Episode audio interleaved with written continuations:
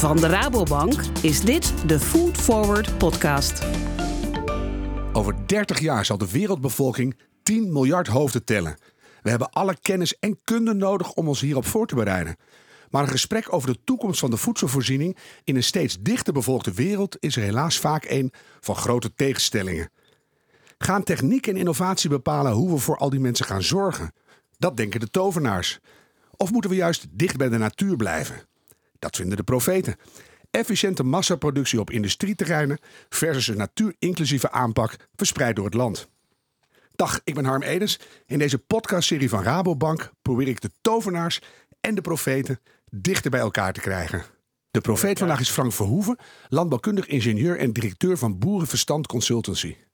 zie je dus uiteindelijk inderdaad een landbouw die, ja, die verindustrialiseert. En daar plek is niet voor eh, vakmannen, maar meer voor ja, loonarbeiders, goedkope krachten. Ik denk dat het gewoon niet gaat gebeuren, omdat het zoveel kost dat we dat met z'n allen niet gaan betalen. En de tovenaar vandaag is Peter Smeets, voormalig onderzoeker aan Wageningen University and Research, net met pensioen, maar keihard aan het werk met Expeditie Metropolitan Food Clusters, zijn eigen bedrijf. Ik hoop dat we erin slagen om eh, op korte termijn de ruimtelijke ordening weer eh, nieuw leven in te blazen in dit land. En als we dat zouden doen, dan zouden we nu al kunnen concluderen dat een aantal gebieden in Nederland voor die hoogmoderne, hoogproductieve landbouw minder geschikt zijn. Blijf het me afvragen, waar komt toch die unieke verbinding met ouderwets en traditioneel en romantisch vandaan, die we ten aanzien van eigenlijk alleen maar ons voedsel hebben. Welkom Frank en Peter. Jullie zijn hier samen om met mij uit te pluizen hoe je nou genoeg eten kunt produceren zonder de natuur weg te vagen voor landbouwgrond en koeienweiders. We gaan het hebben over de verdeling van land. De klassieke tegenstelling tussen tovenaars en profeten is, wat mij betreft, dat de een kiest voor scheiding van het land, terwijl de ander kiest voor verweving. Wie van jullie twee kan kort en helder uitleggen wat het verschil is? Bij scheiding van functies ehm, proberen we functies hun eigen plek te geven. En dat leidt tot een zekere, op die plek op, tot een zekere monotonie. Mhm. Een industrieterrein, dat is een, een gescheiden functie. Daar ga je niet in wonen en daar ga je ook niet in recreëren. Ehm, bij verweving proberen we juist verschillende functies op diezelfde plek eh, met elkaar te combineren. Een recreatiegebied kan heel goed een waterwingebied zijn. Een uh, waterwingebied kan ook wat doen aan biodiversiteit. Die Mhm. dingen gaan goed samen. Ja. De cruciale vraag is hier of landbouw verweven kan worden met natuur. Ja, kijk meteen even naar Frank. Goed samengevat? Ja, zeker goed samengevat. En, eh, en op het laatste te beantwoorden, ik denk het zeker dat dat goed kan. Ja, die zat eraan te komen. Ja. Dat wordt een uitdaging, hè, deze 30 minuten die we nu gaan vullen. Want eh, jullie liggen best wel ver uit elkaar. Laten we beginnen na de oorlog. Toen was het credo nooit meer honger. We gingen fanatiek de wederopbouw in. Wat hebben we sindsdien voornamelijk gedaan in Nederland? Scheiden of verweven? Oftewel, welke erfenis dragen we met ons mee, Frank? Nou, een enorme specialisatie natuurlijk. De, de, die sectoren zijn eigenlijk compleet uit elkaar doorontwikkeld. Hè. De, de en dan binnen de veehouderij de varkens, de kippen, de koeien. En ook de akkerbouwsectoren zijn er maar enkele gewassen over, zeg maar, die, eh, die ook vooral voor de wereldmarkt eh, produceren. En dat hebben we, ja, daar dragen we nu nog steeds de gevolgen van. Dus eh, mijn dagelijks werk is om dat, dat weer een beetje in elkaar te krijgen. Ja, een groot deel van de mensen zal zeggen de positieve gevolgen. Want we zijn enorm aan het exporteren. Het gaat super efficiënt allemaal. Iedereen is eigenlijk tot voor kort heel blij met onze Nederlandse landbouw. Ja, maar we zijn toch al lang van, van bewust dat we ook met de shit letterlijk blijven zitten. Omdat we hier vooral het mest overschot houden. En, ja, en de problemen van een vrij monotoom landschap met eh, ja, slechts enkele sectoren die steeds kwetsbaarder worden, ook voor die wereldmarkt. eh. Ja. Is dat ook een deel van het probleem, Peter? Dat je, Ja. eh, omdat je zo gespecialiseerd bent op al die gebieden, als je dan wil veranderen, dan praat je meteen over een, een totale verandering. Ja, ehm, mag ik het probleem iets historischer maken? Want Mhm. ik denk dat we eigenlijk in deze discussie moeten beginnen.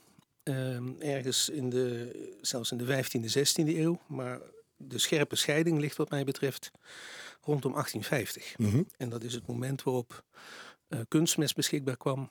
En waarop ook ehm, met veel meer technologische ingrepen de, de waterhuishouding in Nederland eh, gemanaged ging worden. En Ja. dat, dat heeft eigenlijk aan de, grond, aan de basis gelegen van moderne landbouw in Nederland.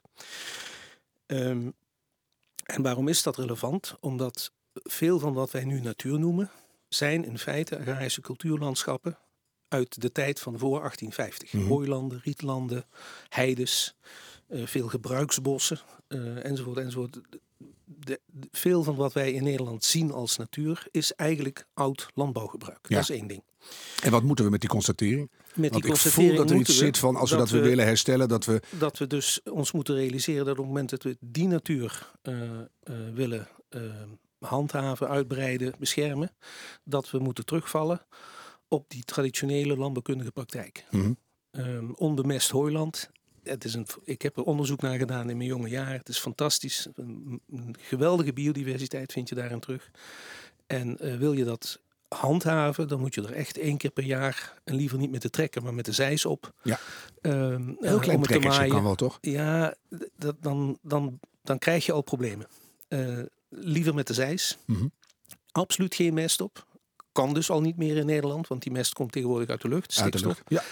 Ehm, en dan krijg je dat, wat wij nu natuur noemen, maar het is dus in feite een oud agrarisch cultuurlandschap, Mhm. dat krijg je terug. We hebben nog een paar van die, eh, van die eh, plekken in Nederland. Het gaat nog om een paar honderd hectare, dat is het. Ja. Dat is één ding.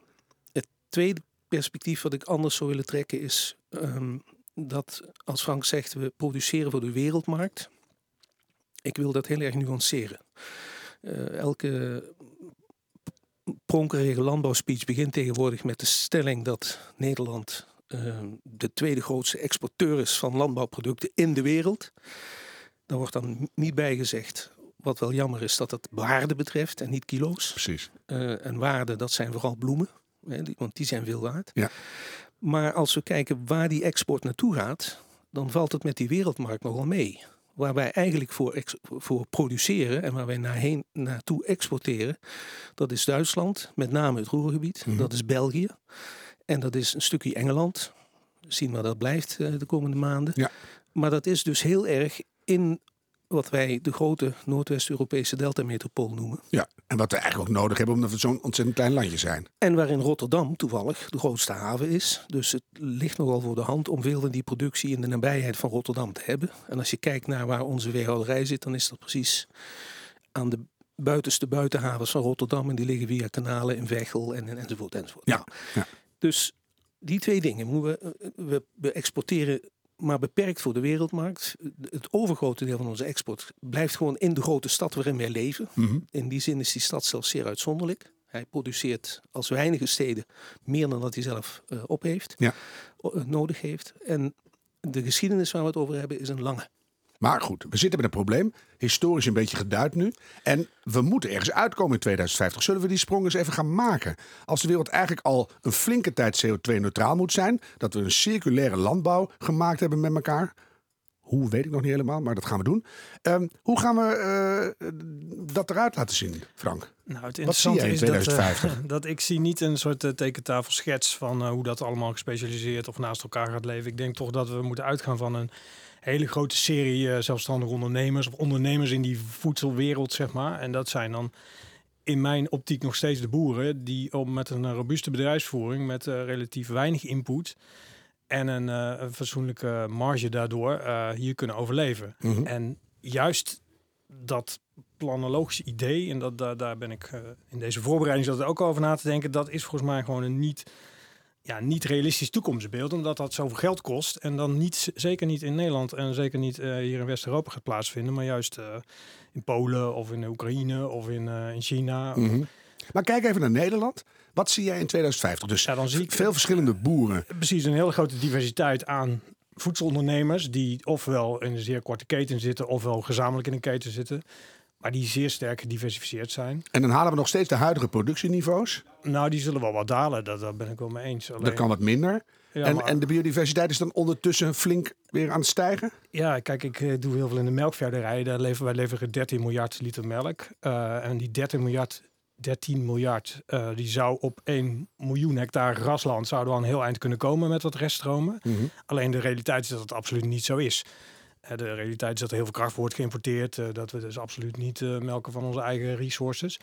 En ik zie juist in, in de toekomst dat we steeds sterker op ons eigen resource, vooral op grasland, wat een enorme belangrijke functie heeft in ons land, eh, daarop gaan melken. En dat zal echt wel wat kruidenrijker grasland zijn, daar geloof ik ook wel in. Maar dat kan in het huidige model niet, hè? want we hebben alleen maar rijgras nodig, productie, gedoe. Nee, Dus- dat is al sterk verminderd. Het zijn vaak langdurige graslanden die veel biodiverser zijn dan, Mhm. Dan vroeger. Kijk even naar Peter, wat zie jij in 2050? Ik hoop dat we erin slagen om eh, op korte termijn de ruimtelijke ordening weer eh, nieuw leven in te blazen in dit land. En Mhm. liefst dan op de schaal van Noordwest-Europa. En als we dat zouden doen, dan zouden we nu al kunnen concluderen dat een aantal gebieden in Nederland voor die hoogmoderne, hoogproductieve eh, eh, landbouw minder geschikt zijn. Die, die zouden wat mij betreft uit productie kunnen nemen. Richting natuur. Veenweidegebied bijvoorbeeld. Ja. Het Zuid, eh, Zuid-Limburgs Heuvelland. Ehm, wat we al gedaan hebben met de uiterwaarden in de jaren 80 van de vorige eeuw. Mhm. En ehm, op dat niveau kan je met ruimtelijke ordening een hoop doen. Ik wil een tweede voorbeeld noemen wat laat zien dat, dat het, eh, het nog steeds, daar ben ik met Frank eens, eh, het hele verhaal gedreven wordt en gedragen wordt door ondernemers. Maar dat het erg goed mogelijk is om die ondernemers met ruimtelijke ordening de goede kant op te sturen. En dat voorbeeld is de glastuinbouw.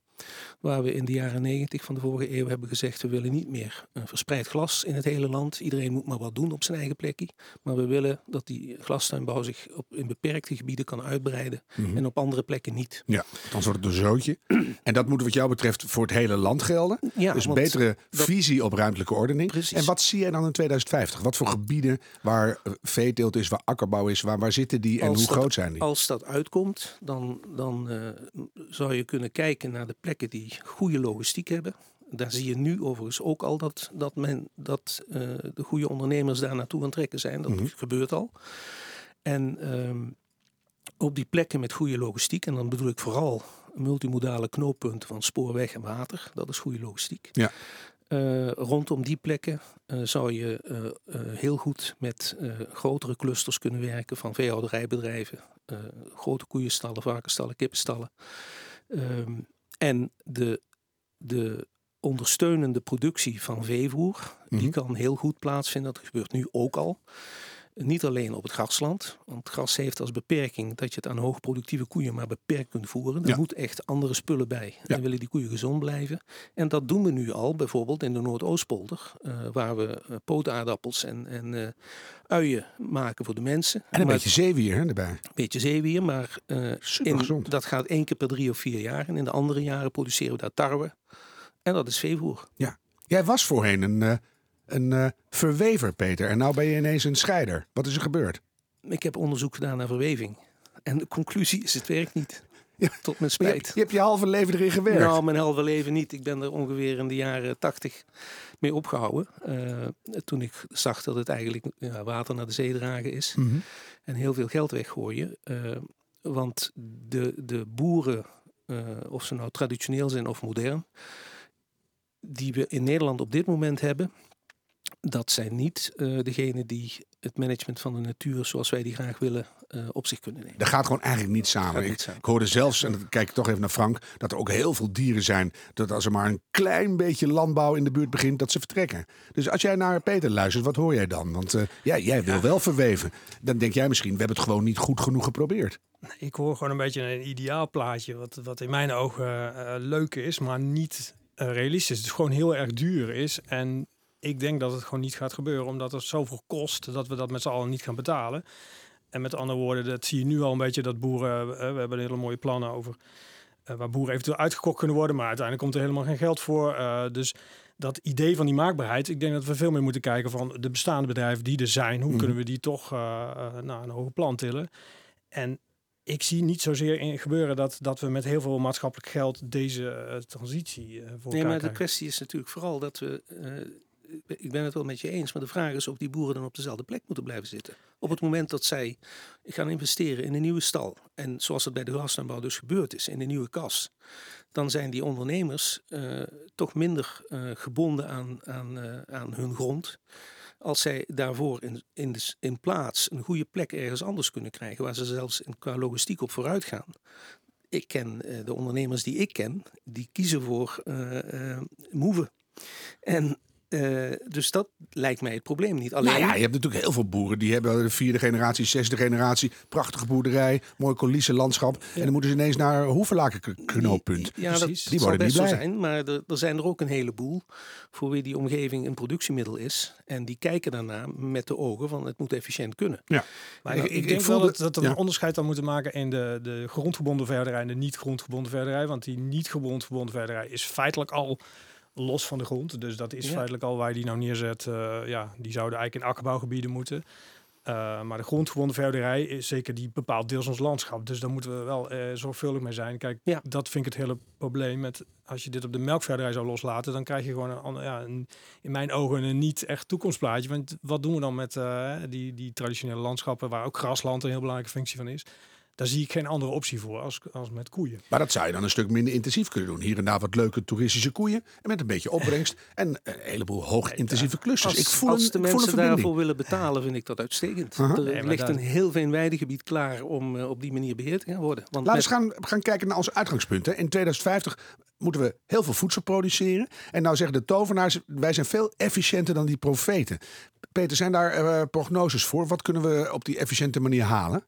We kunnen als, dat is in 1993 uitgezocht door de Wetenschappelijke Raad voor het Regeringsbeleid, eh, als we met de productiviteit van de Nederlandse landbouw eh, in de hele wereld voedsel zouden produceren, dan hebben we op ongeveer ruwweg een derde van het huidige eh, hoogproductieve areaal, dan heb ik nog niet eens over de slechte gronden, maar het Mhm. hoogproductieve, op een derde daarvan kunnen we het voedsel produceren wat de wereld nodig heeft met een West-Europees dieet. Ja. Dus we hoeven niet minder vlees te gaan eten enzovoort. enzovoort. Maar dat is gebaseerd op een systeem waar we nu van af willen. Dus we moeten Maar kijken. waar- Nou ja, we willen we willen, niet de hele wereld toch een hoog productief CO2 laten uitstoten per vierkante meter. Dus Nee, dat is weer een, een, een misvatting. Eh, die hoogproductieve Alweer landbouw stoot minder CO2 uit per kilogram geproduceerd product dan die laagproductieve. Ja, we zitten niet voor niks aan de Nederlandse landbouw te sleutelen, toch? We willen naar een nieuw systeem, want het, we hebben te veel stikstof, te maar veel als we meten wie er nou per kilo geproduceerde melk, als we het dan even over de melkveehouderij Ja. hebben, meer uitstoten, Aha. dan is dat niet de hoogproductieve landbouw.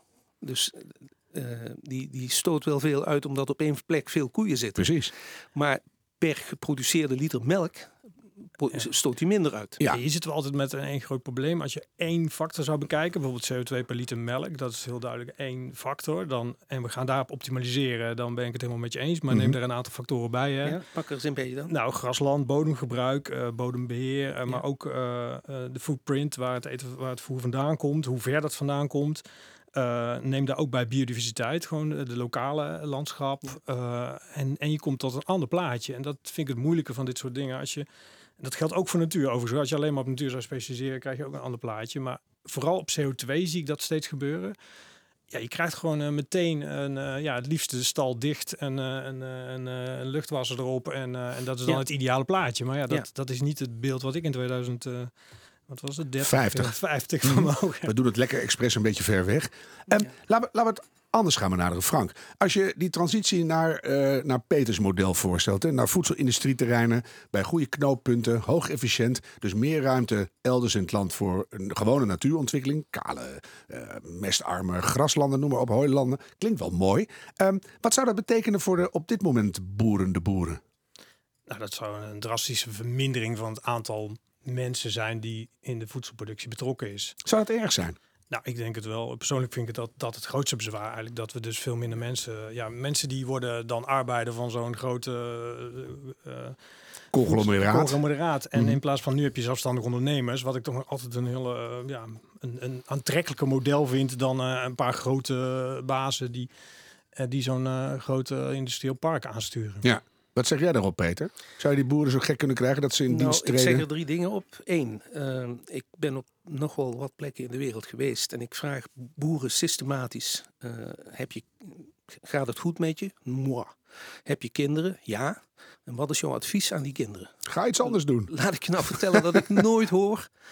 Wees mijn opvolger. Ja, dat is niet Alleen- waar. Ik praat met heel veel boeren in heb, eh, Nederland. hier- is veel jeugd die Komma. zouden dat heel graag willen. Dat wou ik Komma. precies zeggen. Ik, heb, ik heb er een paar in Nederland die Aha. zeggen dat wel. Maar Ja. dat zijn grote, goede bedrijven. Dat Ja. is één. Mhm. Twee, eh, de directeur van de Rabobank zei een aantal maanden geleden... in de komende tien jaar eh, verdwijnt door pure demografie...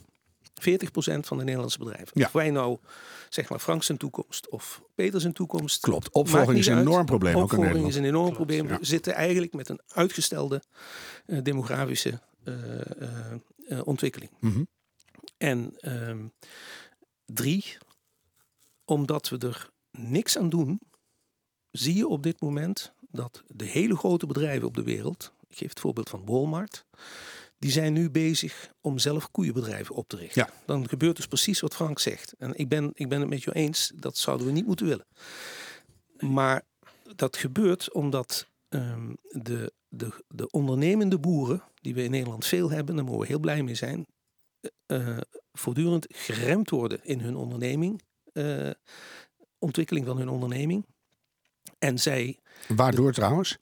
door, zoals eh, Willem Bruil, eh, jurist, dat noemde, de troep die de Nederlandse regering ervan heeft gemaakt. ehm, hij had er een mooie woord voor, als het gaat om wetgeving en regelgeving. Ja. Ja, is- de, boeren een- waren er natuurlijk zelf ook bij met hun organisaties. Hè. Die hadden af en toe ook wel een Zeker, beetje gebrek aan visie. daar- daar- dus daar- we daar hebben met je- z'n allen er een beetje een troep van gemaakt. Nou- Vandaar deze podcast ook van waar moeten we naartoe? Nou, die regelgeving is wel een ding. Mhm. Ja, want regelgeving is bijvoorbeeld absoluut niet consistent Nee, en geeft geen kaders in de toekomst. en Weer dat, geen visie. En nee, absoluut eigenlijk- niet. Dus bijschaven en eh, dat Het is reactief, het is instrumenteel beleid, heel erg slecht. Het is Ja. voortdurend eh, geen doelgericht beleid, maar instrumenteel beleid enzovoort. Maar maak je verhaal even af. Dus eh Ja, 40% dus die drie dingen, gaat 40% eruit. Eh, de, de grote ondernemingen zijn het gezeur van die, eh, van die, die, die, die onrust die in hun bedrijf komt, omdat er alweer een boer zich niet houdt aan eh, bepaalde verplichtingen. Dat straalt meteen uit op de hele sector. Dat zijn ze zat, dus die gaan het zelf doen. Ehm, en als wij die ondernemers niet de ruimte geven om te ondernemen binnen heldere en goed geformuleerde, wat mij betreft, lange termijn kaders van Ja. jongens, hier moet je aan houden, dan leggen die ondernemers loodje. En dat zijn niet de, de kleine boeren op dit moment. Wereldwijd zie je dat die in deze ontwikkeling niet meegaan. Ehm, ik wil een ander voorbeeld geven. Als je kijkt naar de, de, de problematiek, en het wordt een hele dominante problematiek in de komende jaren van ehm, de Chinese varkenspest en de gevolgen daarvan voor Ja. de wereldvoedselvoorziening, Ja. dan zie je dat het probleem eh, in hoge mate ehm, voor een deel zelfs veroorzaakt, maar in ieder geval heel erg verergerd wordt door het feit dat die enorme hoeveelheid kleine Chinese boeren op geen enkele manier in dit kader eh, te regelen zijn. Ja. En Terwijl je naar- voor een Nederlandse situatie, kijk ook even naar Frank, denk ik altijd als een semi-onwetende buitenstaander. Dan heb ik van die gigantische varkensindustrieterreinen in de toekomst, die jij leuk vindt, Peter. En dan hoeft er maar één griepje over te waaien. En dan zijn we van de helft van onze varkens af. Terwijl als je dat wat decentraliseert en in Nederland goed in de gaten houdt, lijkt mij wat veiliger. maar as we speak, we hebben het al. Hè? Ja, ja, ja. En dat, dat is, en daar geef ik Peter wel gelijk. Kijk, dat, ik, ik hoor ook wel eens die woorden van het Oost-Brabant is feitelijk een soort omgevallen eh Ja. varkensflat. Precies. Eh, en dat zou je beter op elkaar kunnen zetten. Maar ja, goed, het enige grote probleem wat er, wat er steeds bij blijft, wie gaat in Nederland, zeker in Nederland of in West-Europa, dit soort eh, grote voedselconglomeraten financieren, eh, eh, runnen. En Stel dat dat wordt kan, zou je het altijd dan wel willen? Nee, het wordt voor, nee, absoluut niet. Want Waarom dan niet? Want dan is financiën voor jou helemaal geen doorslaggevende factor. Ja, omdat de verwijdering, verwijdering zeg maar, tussen voedselproductie en, eh, en onze eten zeg maar, wordt zo groot, steeds groter, groter, groter. Waardoor de, ja, de, eh, de mens nog verder eh, van, van zijn voedselproductie vandaan komt te staan. En, en uiteindelijk de aversie nog groter wordt tegen. Ja, dat denk ik ook wel eens. Kunnen we die, die individuele boeren overal in het land niet eens wat beter meehelpen? Dat dat gewoon wat betere, efficiëntere bedrijven worden. Zodat die natuur wat meer ruimte krijgt. Want dan raken we niet zo heel erg ver af van waar die carbonade vandaan komt, Peter. Die carbonade komt uit Nederland. Ja, En die wordt voor een overgroot deel uit een flat. Met, eh, nee, er, is geen flat in Nederland. Was hij er maar. Zie je? Eh, ik voel hem komen in 2050. Hij is er nog niet en hij zal er in Nederland waarschijnlijk ook niet komen. Ook niet. In China staan ze wel. Ja. En eh, ik hou me hard vast. Maar dat is een ander verhaal. Ehm, ik wil toch nog een keer wijzen op het voorbeeld van de glastuinbouw. Ja. Als goed voorbeeld van het kan dus wel. Het is in, vanaf de jaren negentig met gericht beleid, heldere kaders, subsidie. Eh, heel goed gelukt om de ondernemende glastuinders eh, in 20 jaar tijd eh, van Maar je krijgt wel een type glastuinbouw. Hè, met bijvoorbeeld met inderdaad een aantal goede ondernemers. Maar daaronder bijvoorbeeld heel veel laagwaardige arbeid. Of arbeid die komt er vaak uit het buitenland. Ja. En dus zie je dus uiteindelijk inderdaad een landbouw die, ja, die verindustrialiseert en die, die waar plek is niet voor eh, vakmannen, maar meer voor ja, loonarbeiders, goedkope krachten. Nou, eh. nee, dat valt heel erg mee. De, de, het midden- en hogere kader wat in die glastuinbouw rondloopt, dat zijn Nederlands sprekende jonge mannen en jonge vrouwen die een goede opleiding hebben. En er is nog laagwaardige arbeid. Eh, die komt nu nog uit de laatste grenzen. Hè. We moeten nog naar de Oekraïnes. eh, daar kunnen we ze misschien nog weghalen. Zeker, Maar dat is ja. eindig. Mhm. En het gevolg is dus, en dat zie je overal, dat die laagwaardige arbeid vervangen wordt door eh, robots. Ja. En prima, Frank? des te beter. Ja, prima. Maar aan- anderzijds het is dus wel een soort industriële landbouwproductie. En dat, en dat ja, het staat mij gewoon in die zin tegen dat ik kan me voorstellen dat dat het op bepaalde plekken gebeurt. Maar ik zie het nog steeds het, een, een, een diverse landbouw met veel arbeid daarin ook. Dus veel mensen die veel mensen betrekt daarin. Dus Zullen we, dit, zullen we hier proberen eens een brug te slaan? Want dat is het hele doel van deze podcast. hè, Dat we de, die wizards en die prophets wat dichter bij elkaar brengen. Nou. Ga eens bij elkaar in het hoofd zitten en pak het beste van je buurman eens op en plant dat eens in 2050, Frank. Wat zouden we dan idealiter als geld geen rol speelt, hè, dat het misschien wel op een manier deels te financieren valt. Wat zou je dan idealiter willen? Nou, ik zou kijken. Hier en daar een cluster en dan ook veel mooie, Ja, wat die minder clusters intensieve die, moeten, die missen nog één ding. Inderdaad, dat zou misschien zijn hoe krijgen we daar arbeid in en hoe krijgen we bijvoorbeeld meer mensen betrokken daarin. Hoe krijg je die, die verbinding dan met de omgeving er beter in? Hoe krijg je een betere functies van dit soort. eh, want anders, anders ben ik dus bang dat je dus inderdaad een verindustrialisering krijgt op een industrieterrein waar geen mensen meer bij betrokken zijn en mensen ja, met hun broodrommeltjes 's ochtends eh, om acht uur melden en en om vijf uur naar huis gaan. En dat is volgens mij eh, niet de landbouw. Die gaan we in Nederland niet, eh, niet overeind houden, ben ik bang. En even nog mee te nemen, Peter. Het lijkt mij ook, als je wil naar nieuwe diëten, bewuster eten, dan is het toch heel fijn dat je eten niet uit een industrieterrein komt, maar dat je weet waar het vandaan komt. Ik snap die, die. Ik blijf het me afvragen, waar komt toch die, eh, die, die unieke ehm, verbinding met ouderwets en traditioneel en romantisch vandaan, Mhm. die we ten aanzien van eigenlijk alleen maar ons voedsel hebben. Ja, maar ik denk dat Waarom- het alleen maar om voedsel gaat. Het kan, kan Nee, ook maar alleen bij de- voedsel. Probeer dit verhaal nou eens neer te leggen in gezondheidszorg. Ja, maar dat is dus iets anders, want het gaat om ons voedsel. dat is denk ik het meest... Nou, maar gezondheid, Maar bij, scholen en nou, ook wel een scholen, beetje bij ja. ziekenhuizen begint het ook wel Ja. eh, om te draaien. Dat die enorme duizenden kinderen tellende ROC's, daar wordt niemand zo happy. Want de menselijke maat die mist. Dus nee, maar eh, de- het gaat, luister, eh, mijn punt is niet dat we grootschalige landbouw moeten hebben. Dat is helemaal mijn punt niet. Die schaal is een afgeleide. Mhm. Mijn punt is dat we eh, efficiënte landbouw moeten hebben. Eh, Resource use efficient Ja. heet dat in Wageningen. En dat betekent met zo weinig mogelijk inzet van, van eh, stikstof, fosfaat en energie en, en, enzovoort. Mhm. Dat is één. Dat we ehm, eh, daar goede werkgelegenheid in moeten hebben, ben ik het helemaal mee eens. Onderschat niet hoeveel werkgelegenheid er in de Nederlandse foodproductie zit, die de modernste van de wereld is. 10% van de Nederlanders verdient er zijn geld in. 1% is boer, maar die 9 andere procent, die rijden met vrachtauto's, die doen de financiering via de Rabobank enzovoort. enzovoort. Dus er zit heel veel werkgelegenheid in. Ja. En dat blijft. En nog sterker, bij de modernisering van die landbouw neemt de kwaliteit van dat werk toe. Het is geen rugbrekende eh eh, klotenwerk meer. maar het is- knieslopende. Waarom toestand. die, Ja. die, al die boeren in het buitenland zeggen: Mijn kinderen nooit op dit bedrijf. Maar het is goed werk. Ik ga toch weer even naar Frank. Ehm, Peter zegt hele zinnige dingen. Gooi dat nou eens in jouw eh, romantische, ouderwetse eh, landbouwbeeld. Waar zou je in 2050 in combinatie uit kunnen komen? Wat denk jij? Nou, en die combinatie zit hem volgens mij in dat je toch een stuk efficiëntie en schaal eh, combineert toch met, ja, denk zelfstandigheid of zelfstandige bedrijven die dus hun niches vinden, die, die, ja, die toch een soort van, ja, ik kijk ook altijd een beetje naar het MKB en zo, die toch meer als een MKB zich ontwikkelen en niet als Ja. een multinational. Nee, maar daar, daar zijn we dus over eens, een MKB. Ik, Ja. ik- het voorbeeld wat eindelijk nu in de praktijk draait, is misschien een hele goede. Dat is Marcel Kuipers met eh, Kuipers Kip in Grubbevorst. Eh, die, die doet iets wat veel bedrijven zou, in Nederland hem zouden moeten navolgen, namelijk wat we verticaal integreren noemen. Die, die produceert niet alleen kippen, hij gaat ze ook zelf slachten. En dat betekent dat de meerwaarde in die hele keten blijft bij de MKB'er. Marcel Kuipers. Want dat hebben we eigenlijk nog helemaal niet genoemd. Hè? Dat die waardeketen voor de boer ook echt flink op de schop moet. Zodat Ja. je toch Ja. een ander Ja. financieringsplaatje krijgt dan maar tot dat, nu toe. dat Maar- is precies uh, Maar nu komt het.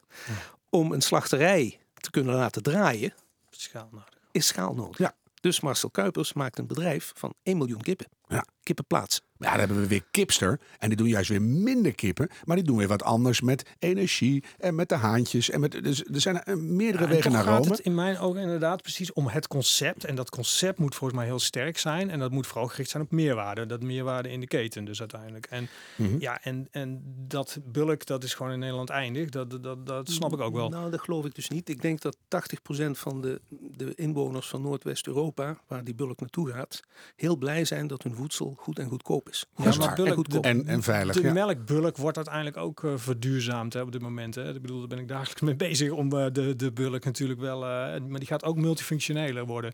In Zeker zin- wel. Maar Ja, de Friesland Campina heeft behoefte bijvoorbeeld aan ook een meer natuurlijk verhaal bij de melk. Hè. Dus Zeker. het is niet alleen een CO2-efficiëntie. Daarom kijk ik ook even naar Peter, want die moet heel hard schakelen. Ja, nee, ik in, niet jouw, schakelen. in jouw high-tech eh, 2050 brain, wat kan daar van Frank in waarvan je zegt, dat vind ik toch fijne dingen om, ook al worden we efficiënt, ook al gaan we clusteren, dat is toch fijn om als romantisch eh, en misschien ook wel eh, kwalitatief hoogstaand eh, over te houden uit het niet oude systeem. romantisch, dat moet het volgens mij niet zijn, want dat, daar heb ik helemaal niks Daar heb jij mee. niks mee, hè? Ik, ik Nee. heb het wel met, met, Ben je wel getrouwd? met werk. Natuurlijk ben ik getrouwd. Ah, ja, natuurlijk, Ja, ja. Maar neem je wel eens bloemen mee ook of zo? Maar ga door, ja. Weet je hoe mijn hoogleraar bloemen noemde? Hoogleraar Chemisch afval. vegetatiekunde. Nee, Oh. vegetatiekundige porno. Ja, en hij wou geen bloemen. Hè? Hij zei, ik wil geen uitvergrote geslachtsdelen van bloemen. Gerbera, die, dat zijn uh, ze me pornobloemen. Maar goed, voor. Maar goed, Ja. dat is een ander verhaal. Ja. Ehm, Dat is een mooi exportproduct. Hollandse vagina's, nu op stil. Ja, ik weet het niet. Maar, Ehm, die, eh, wat ik met Frank eens ben, is dat het beter zou zijn als ehm, ehm, de ontwikkeling komt vanuit het midden- en kleinbedrijf. Mhm. Ondernemers eh, die op, op eh, zeg maar in wat vaak toch familiebedrijven zijn, eh, zich proberen te ontwikkelen. Dat is één. Een tweede ding is, ehm, ik denk dat we, maar dat gaat vanzelf, blij moeten zijn dat er ook straks nog heel veel werkgelegenheid in die, in die voedselwereld zit.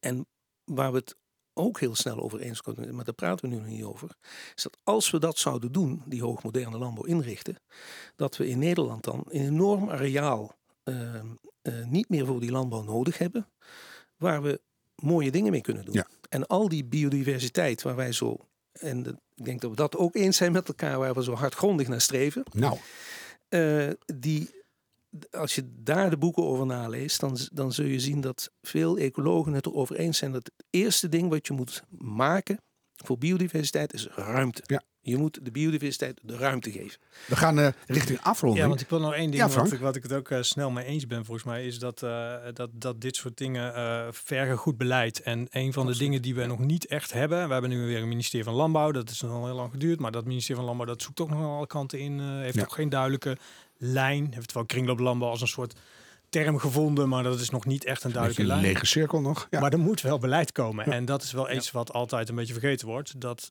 Ja. welk toekomstbeeld we dan ook houden, er moet wel een beleid eh, op een achter. aantal dingen, die ruimtelijke ordening Ja, hoorde ik, ja, landbouwbeleid, maar Ja. ook de hele verduurzaming van op. Europees eh, gebied, Ja. visie en beleid hebben we nodig. Ja. Zeg eh, Peter, wat is het slimste wat jij Frank vandaag hebt horen zeggen? Het slimste wat ik Frank heb horen zeggen is zijn pleidooi voor werkgelegenheid in de landbouw. Daar ben ik, daar ben ik het hardgrondig mee eens. Ja, en, en andersom, Frank? Nou, het, het slimste dat het Peter voor zeggen is toch wel dat, dat we met die efficiëntie toch een hele slag kunnen maken. En dat, eh, daar moeten we ook zeker aan blijven werken. En bij jullie alle twee zie ik af en toe nog wat Holsteiners in een coulissen weiland lopen.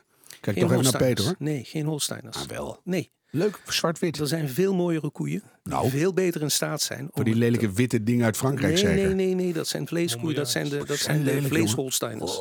Maar de echte, eh, eh, zeg maar, ik ga maar in natuurgebieden kijken, daar lopen ze rond. En dat zijn nog maar, De rode geuzen, nee, de Galloways, de, de Galloways. Maar ik wil toch ook gewoon zwart-witte koeien, call me crazy. Die kun je ook in zwart-wit krijgen, dat is mijn we voelen weer een poldercompromis. Heel goed. Eh, ik hoop dat jullie ook door dit gesprek wat nog meer in elkaars hoofd zijn gaan zitten. Want we voelen hoe complex het is. Ik ga jullie bedanken. Frank Verhoeven, landbouwkundig ingenieur en directeur van Boerenverstand Consultancy. En Peter Smeets, tot voor kort onderzoek aan Wageningen University and Research. En medeontwikkelaar van de, de MFC, de Metropolitan Food Clusters. Dank voor het luisteren naar deze podcast over de voedselvoorziening van de toekomst. Je kunt deze podcast volgen door te zoeken op foodforward.nl. Voor de Engelstalige versie zoek je alleen op Foodforward. En kijk op rabobank.com als je meer wilt weten over Rabobank en hun kijk op het voedsel van de toekomst. Op naar een betere wereld. Stel je toch eens voor.